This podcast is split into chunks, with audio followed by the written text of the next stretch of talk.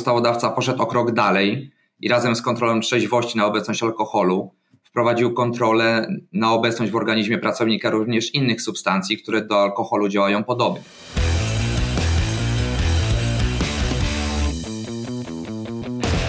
Dzień dobry Państwu. Zapraszam na kolejny odcinek podatkowej międzymiastowej. Dzisiaj, podobnie jak już to było w przeszłości, nie tyle jest podatkowa, co prawna międzymiastowa. Natomiast miasta są te same.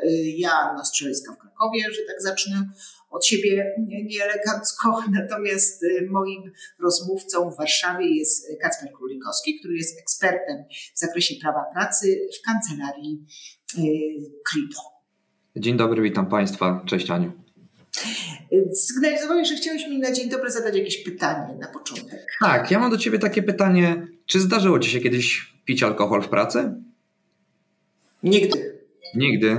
No dobrze, w takim razie chyba nie mamy o czym rozmawiać. Chciałem błyskotliwie zacząć, ale widzę, że temat to może jest Ja zadam ci parę pytań tak dla koleżanki. Może tak to przyjdzie. A, dobrze, rozumiem. Zawsze jest ta mityczna koleżanka, zawsze jest ten mityczny kolega, który zawsze pyta o te rzeczy, które które są raczej niewygodne.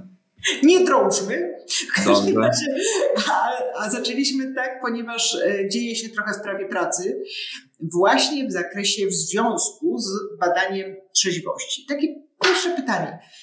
Dlaczego te zmiany? Czy my rzeczywiście tak dużo pijemy jako e, naród no, tak naprawdę, jeżeli o tym pomyślimy, to w Polsce ta kultura picia jest bardzo mocno utrzymywana. Przecież badanie jednej z firm analitycznych, y, które ukazało się 3 lata temu, które opisywały tak naprawdę wszystkie dzienniki, wskazują na to, że Polacy codziennie kupują 3 miliony popularnych małpek, z czego milion jest y, kupiony już przed samym południem. Więc teraz pytanie, ile z tych małpek jest wypijanych bezpośrednio przed pracą, czy też w trakcie samej pracy. Jest w Polsce takie przekonanie, że y, to komuna trochę nas rozpi rozpiła.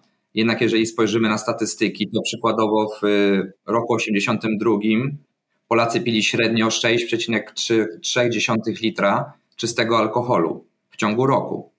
Obecnie według różnych źródeł pijemy od 9,5 litra do prawie 12 litrów czystego alkoholu. A więc odpowiadając na Twoje pytanie, może troszkę okrężnie, tak, pijemy faktycznie sporo.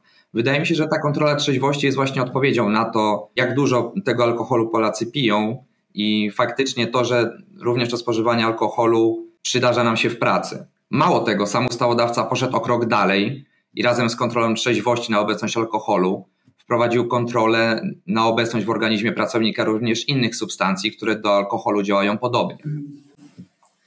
Te substancje są wymienione, tak? Tak, y, ja tutaj posłużę się notatką y, dokładnie o jakie substancje chodzi, bo szczerze przyznam, że y, pierwszy raz, widzę na, pierwszy raz widzę na oczy te substancje, tak? A więc wedle rozporządzenia ministra zdrowia tymi środkami, które do alkoholu działają podobnie są opioidy, amfetamina i jej analogii, kokaina, kanabinoidy, a także benzodiazepiny. Więc to, to jeżeli mówimy o substancjach, które do alkoholu działają podobnie, to właśnie mamy na myśli te wymienione w rozporządzeniu ministra zdrowia. Czyli w tej chwili zmiana będzie polegać na tym, że pracodawca, jak rozumiem, będzie miał prawo kontrolować nas na e, obecność substancji i, i alkoholu, i tych, które wymieniłeś. Także dotychczas co do zasady pracodawca takich uprawnień nie miał. Y, tak, ta zmiana polega głównie na tym, że pracodawca będzie mógł przeprowadzić taką prewencyjną kontrolę trzeźwości. Dotychczas na próżno było szukać w kodeksie pracy y, uprawnień pracodawcy do, do kontrolowania pracownika. Taki mechanizm znajdował się co prawda w ustawie o wychowaniu w trzeźwości i przeciwdziałaniu alkoholizmowi, y, jednak tutaj takie badanie przeprowadzała co do zasady policja, czy też szerzej mówiąc organ powołany do ochrony porządku publicznego. Tak, teraz po zmianach pracodawca, jeżeli wprowadzi taką kontrolę u siebie, będzie mógł określić grupę pracowników, czy też grupy pracowników, którzy taką kontrolą prewencyjną y, będą objęci. Tak? I tak jak już wspominałem na początku, ta kontrola będzie obejmować nie tylko y, kontrolę na obecność alkoholu, ale również tych innych substancji.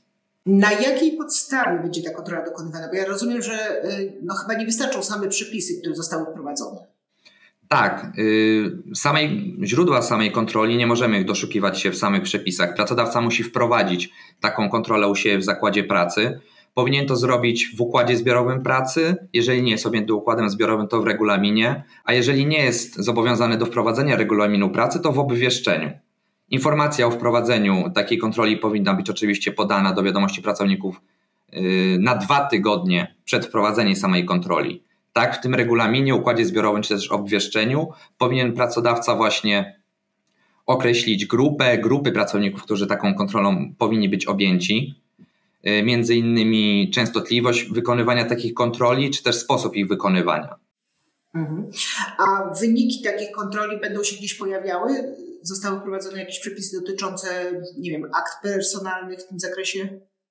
Tak, jeżeli mówimy o wprowadzeniu kontroli trzeźwości, to nie są to tylko zmiany, które wynikają z kodeksu pracy, ale również z rozporządzenia, które dotyczy dokumentacji pracowniczej. W aktach osobowych pracownika po wprowadzeniu kontroli trzeźwości należy dodać dodatkową sekcję, która będzie oznaczona literą E. W tej sekcji będziemy przechowywać dane i informacje dotyczące kon przeprowadzonych kontroli trzeźwości, przy czym co istotne, w tej części będziemy przechowywać dane dotyczące kontroli, podczas których wykazano, że w organizmie pracownika znajduje się alkohol czy też inna substancja. Tak, tutaj ma to na celu po prostu y, niegenerowanie dodatkowej niepotrzebnej pracy y, działom kadrowym, żeby nie zasypywały ich te tony dokumentacji. Co też istotne, jeżeli już kogoś zasypuje obecnie dokumentacja pracownicza, to może warto pomyśleć o jej digitalizacji, wtedy na pewno też będzie wygodniej.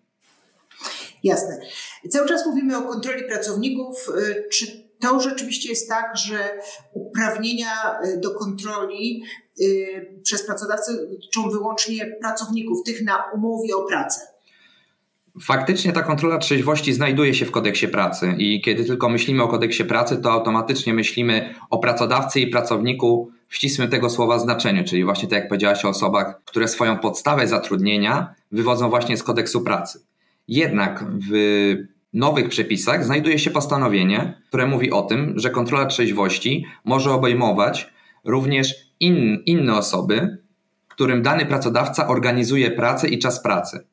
Tak? Często zdarza się tak, że w danym zakładzie pracy mamy osoby zatrudnione na umowie o pracę, umowach cywilnoprawnych czy też umowach B2B. Jednak to, co ich łączy, to to, że ich praca notabene jest organizowana przez jednego pracodawcę.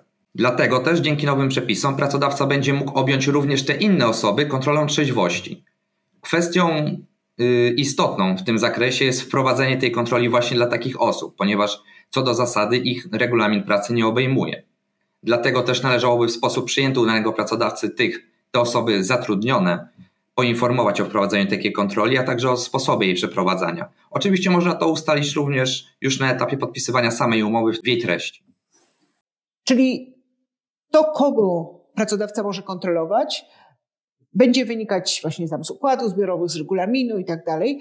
A co jeśli pracodawca przewidzi w regulaminie kontrolę jakichś określonych grup, tych powiedzmy, których alkohol e, szczególnie naraża na niebezpieczeństwa, czyli na przykład kierowców, a nam się wydaje, pracodawcy się wydaje, że to niestety tę małpkę do południa kupił e, i spożył pracownik księgowości. Co wtedy? Jeżeli nie jest przewidziana możliwość kontroli tego pracownika właśnie w, w regulaminach czy w, e, w układach zbiorowych pracy. Jeżeli mamy uzasadnione podejrzenie, że pracownik stawił się do pracy w, po spożyciu alkoholu albo spożył go w trakcie pracy, a nie jest on objęty kontrolą trzeźwości właśnie na podstawie aktów wewnątrzzakładowych, które wymieniłaś, wtedy takiego pracownika pracodawca nie dopuszcza do pracy. To niedopuszczenie do pracy również y, jest wprowadzone przez y, przepisy wprowadzające kontrolę trzeźwości i dotyczy dwóch sytuacji. W pierwszej sytuacji, kiedy badamy pracownika, który należy do grupy badanej i podczas kontroli wyjdzie, że w jego organizmie znajduje się alkohol albo inne substancje, wtedy pracodawca takiego pracownika do pracy nie dopuszcza. Druga sytuacja dotyczy właśnie tych pracowników, o których mówisz, a więc pracowników, którzy kontrolą trzeźwości na podstawie aktów wewnętrzno-zakładowych nie są objęci. Wtedy, jeżeli pracodawca właśnie ma uzasadnione podejrzenie, że ten pracownik jest pod wpływem, czy też właśnie spożywał alkohol na terenie zakładu pracy, pracodawca nie dopuszcza go do pracy. Co istotne, pracownik musi być poinformowany, że do pracy nie został dopuszczony, a także o powodach, yy, dla których to nastąpiło. Wtedy zarówno pracodawca, jak i pracownik mają uprawnienie do tego, aby wezwać organ upoważniony do ochrony porządku publicznego, czyli na przykład policję, aby to ona przeprowadziła takie badanie. Jasne. A możesz parę słów powiedzieć na temat tego samej procedury? Jak będzie wyglądała ta kontrola trzeźwości? Oczywiście bez szczegółów, bo na tym się y, myślę nie znamy, bo to są już kwestie pomiaru poszczególnych substancji. Natomiast jak, o czym trzeba pamiętać, o czym powinien pracodawca pamiętać, wykonując tę kontrolę? Tak jak już mówiłem, sam proces, częstotliwość i czas kontroli będzie określał sam pracodawca y, w akcie wewnątrzzakładowym. Jednak to, co wynika z przepisów, co jest bardzo istotne, to to, aby sama kontrola nie naruszała godności i dóbr osobistych pracownika. Tak, ta sama kontrola nie może mieć charakteru opresyjnego w stosunku do pracownika, co naruszałoby w jakiś sposób jego godność, dobra osobiste. Tak, i mogłoby się wiązać dla samego pracodawcy z tym, że pracownik wystąpi w stosunku do niego y, z jakimś roszczeniem w związku z y, właśnie z naruszeniem tych praw. Kwestie techniczne przeprowadzenia samej kontroli na obecność alkoholu czy też innych środków działających do niego podobnie reguluje nam rozporządzenie. To co istotne to to, aby sama kontrola była przeprowadzona przy pomocy metod, które nie wymagają badania laboratoryjnego. Jeżeli pracodawca będzie badał pracowników na obecność alkoholu, no to wtedy metodą klasyczną, czyli przy pomocy popularnych alkomatów, tak, które są wyposażone w ustnik, przeprowadzamy badanie na obecność alkoholu. Jeżeli zaś mówimy o badaniu na obecność innych substancji, które do alkoholu działają podobnie, wtedy badanie będzie polegało na analizie próbki śliny. No dobrze, a co z, y, takie pytanie gorące, a co z pracownikami y, online? Pracującymi w domu? Czy y, będzie y, pracodawca uprawniony, żeby zapukać w drzwi i z, sprawdzić y, zawartość na przykład alkoholu w organizmie? To jest bardzo ciekawe pytanie i tutaj musimy się tak naprawdę cofnąć do początku i uzasadnienia wprowadzenia kontroli trzeźwości, ponieważ kontrola trzeźwości może być wprowadzona tylko jeżeli jest to niezbędne do ochrony życia i zdrowia pracowników czy też innych osób, a także ochrony mienia. Jeżeli mówimy o pracownikach zdalnych, o których pytasz, tutaj pojawiło się stanowisko ministra rodziny i polityki społecznej, który twierdzi, że nie wydaje się, aby pracownicy zdalni spełniali przesłanki ustawowe do wprowadzenia kontroli trzeźwości. Jednak należy pamiętać, co wynika z uzasadnienia projektu, że to sam pracodawca ocenia i posiada najlepszą wiedzę, aby ocenić grupy pracowników, yy, którzy taką kontrolą mają być objęci. Więc w naszej opinii finalnie taka decyzja i tak będzie zależała od pracodawcy. Rozumiem, że w przypadku pracowników online mogą pojawić się dodatkowe problemy, jak kwestia obowiązku wpuszczenia do domu i tak dalej. Myślę, że to jest temat na osobną rozmowę. Na pewno kontrola pracowników zdalnych budzi wiele kontrowersji, y, ponieważ już przy samym wprowadzeniu pracy zdalnej wprowadza się możliwość kontroli tych pracowników w kontekście chociażby BHP czy ochrony danych. Wydaje mi się, że są to na tyle świeże przepisy, że praktyka czy też orzecznictwo i stanowiska kolejnych urzędów będą się kształtować w najbliższym czasie. Będziemy tę praktykę obserwować i pozwolę sobie jeszcze zaprosić Ciebie, y, żebyś podzielił się z doświadczeniami pierwszymi na temat y, tej no, wdrożenia tych przepisów, które są niewątpliwie swoistą rewolucją, jeśli chodzi o walczenie, o walkę z problemami alkoholowymi i ich konsekwencjami w pracy. Bardzo dziękuję Katrze, bardzo dziękuję Państwu. Nagrywamy tę audycję w piątek, więc wieczór piątkowy to jest znakomity czas na rozsądną oczywiście konsumpcję alkoholu w odróżnieniu od y, godzin pracy.